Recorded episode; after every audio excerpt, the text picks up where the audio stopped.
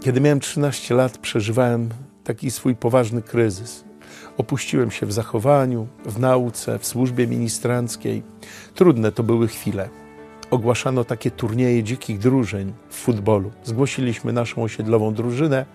Mama w czasie lekcji miała mi kupić trampkokorki, getry, spodenki i koszulkę. Odprowadza mnie do windy, z windy wychodzi dozorczyni, naskarżyła na mnie, że kiedyś się źle zachowałem. Potem wyszła sąsiadka i jeszcze coś dorzuciła, też naskarżyła na mnie. Wtedy mama powiedziała do mnie tak: Nie zagrasz dzisiaj w meczu i nie kupię ci sprzętu sportowego. To będzie kara dla ciebie.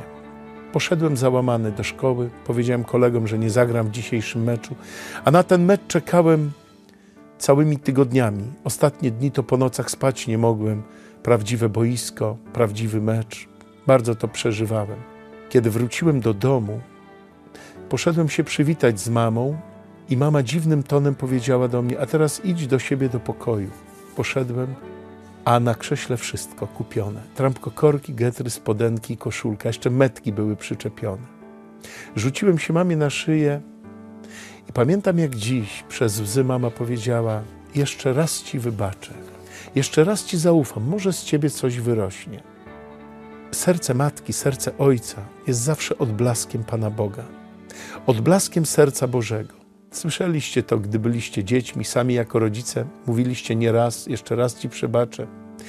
I Pan Bóg do nas mówi, szczególnie w Wielkim Poście, zaczynaj od nowa, podnoś się, nie załamuj się, przebaczam ci, kocham cię, zaczynaj od nowa. Jesteśmy ciągle w drodze, a w drodze są lepsze i gorsze momenty.